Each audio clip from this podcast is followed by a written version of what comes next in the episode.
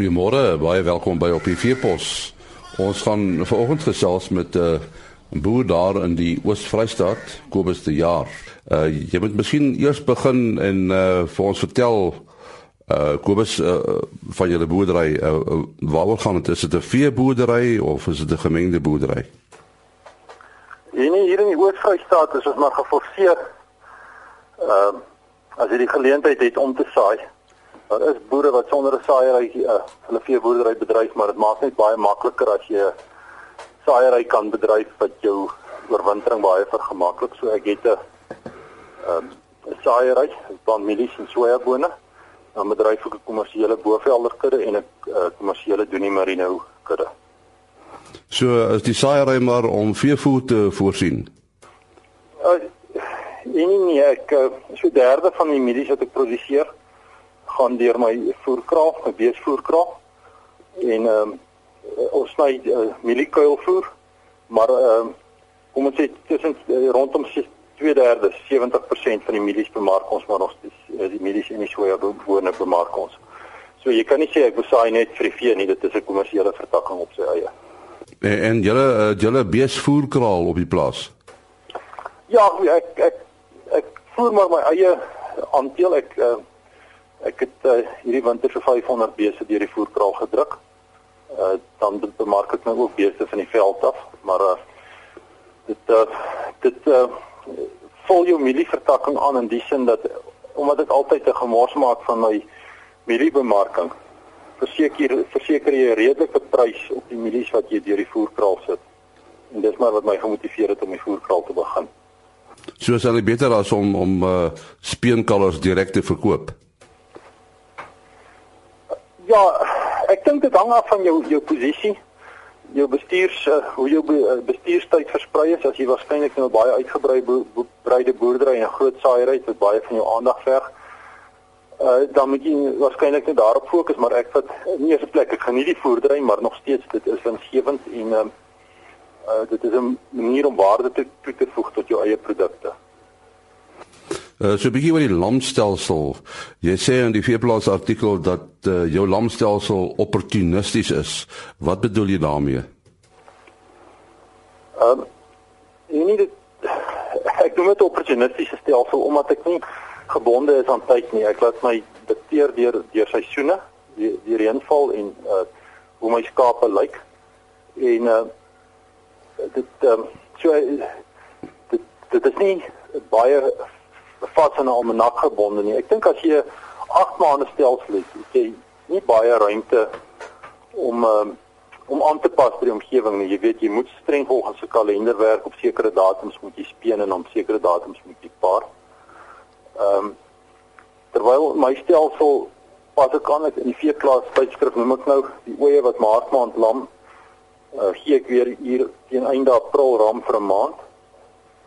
Een rede hoekom ek dit doen wat ek nie net as die artikel genoem is nie. Dit op die weimielies is daai ooi op 'n geweldige hoë voedingsvlak en hulle melkproduksie is hoog. En ek glo as jy nie daai 'n uh, lam wat jy dan op 8 weke speen as jy dit die speenproses nie reg doen nie, gaan jy daai ooi se eier beskadig met die hoeveelheid melk wat in in hom is.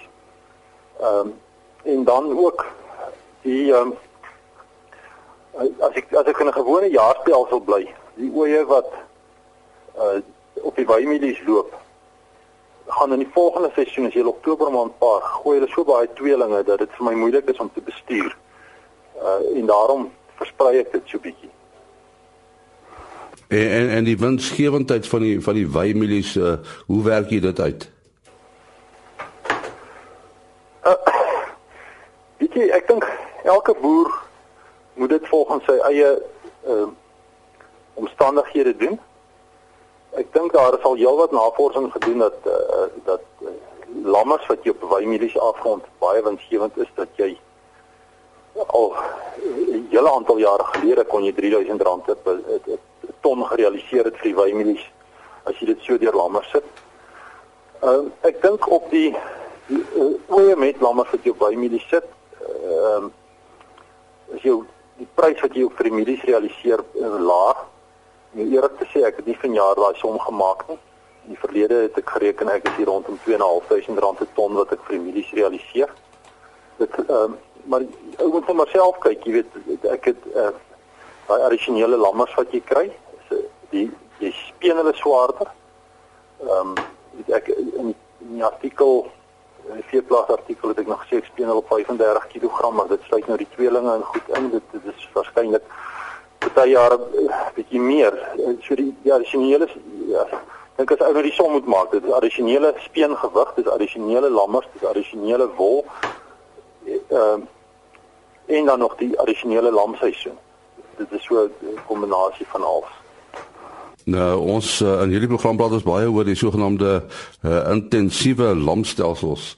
Maar uh, jy, jy sê in daardie artikel dat uh uh wolskape 'n ekstensiewe stelsel groot voordele inhou. Uh, wil jy 'n bietjie uitbrei daarop?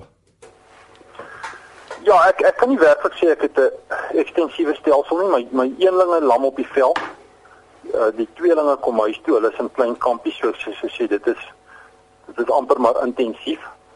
Maar uh, dit kom maar daarop neer dat as as jy oeye 'n uh, lam verloor het sy deur jakkals of of 'n ander oorsaak, dan dan kan jy nog relatief maklik R300 van 'n ooi afskee wat kompenseer vir die verlies. En daarmee saam uh in hierdie in die somersaai gebiede, glo ek daar's nie ander uh, ander dier wat soveel waarde kan toevoeg tot tot oesreste soos soos 'n wol wolskaap nie. En uh, jy ek is maar geforseer om die koeie met lammers op die weimielie uh, het sy weimielies of oesreste te, laat loop. Ehm uh, en die die jakkals uh, die, om die die predasie te bekamp is maar 'n krisis. Jy, jy verloor bietjie lammers, maar nog steeds glo ek 'n wolskaap gaan dit beter doen as as 'n um, as 'n mens met al 'n vleiskaap of vleisbees. Nou ja, ons sê baie dankie aan uh, Kobus de Jaar wat gesels het oor sy boerdery daar in die Oos-Vrystaat. Ons uh, gesels nou met uh, Brian Angus van uh, uh, Arlington. Hy hy boer met 'n uh, interessante bees en dit is die Wagyu uh, bees. Uh, vertel ons 'n bietjie van hierdie bees. Uh, uh, waar kom hy vandaan? Die beeste kom oorspronklik van Japan af. Hulle is uh, vir honderde jare in Japan geteel om uh, jy weet ehm um, baantjies en goed te trek daar. Nou nou uh, hoekom het jy met hierdie beeste begin uh, boer? Weet jy, en ons het uh, met Angus boer uh, beeste geboer of ons boer nou nog met hulle en uh, hulle is bekend vir 'n goeie karkas. En toe was ek een slag in uh, in in Amerika en toe vertel 'n boer daar vir my van hierdie wagyu beeste wat sulke fantastiese vleis het en uh toe prikkel dit my en uh, ek het toe op die, op die einde het ek embryos ingevoer en uh, dis nou wat 12 jaar terug. Toe begin ek hier met 'n kudde van hierdie wagyu. En hoe groot is jou kudde op die oomblik? Ek het nou 400 diere. So die wagyu is uh, is bekend van van wie sy vleiskwaliteit. Ja, dit is sy groot voordeel is is sy is sy vleis. Hy het ehm um, Ek dink sonder twyfel die beste vleis wat daar is wat jy kan kry. Hy het ehm um, hy het baie marmering binne-in. Dis daai fyn vetjies binne in die vleis. En moet jy mens nou uh, vir hierdie soort beeste spesiale voeding gee of wy hulle maar van die veld af?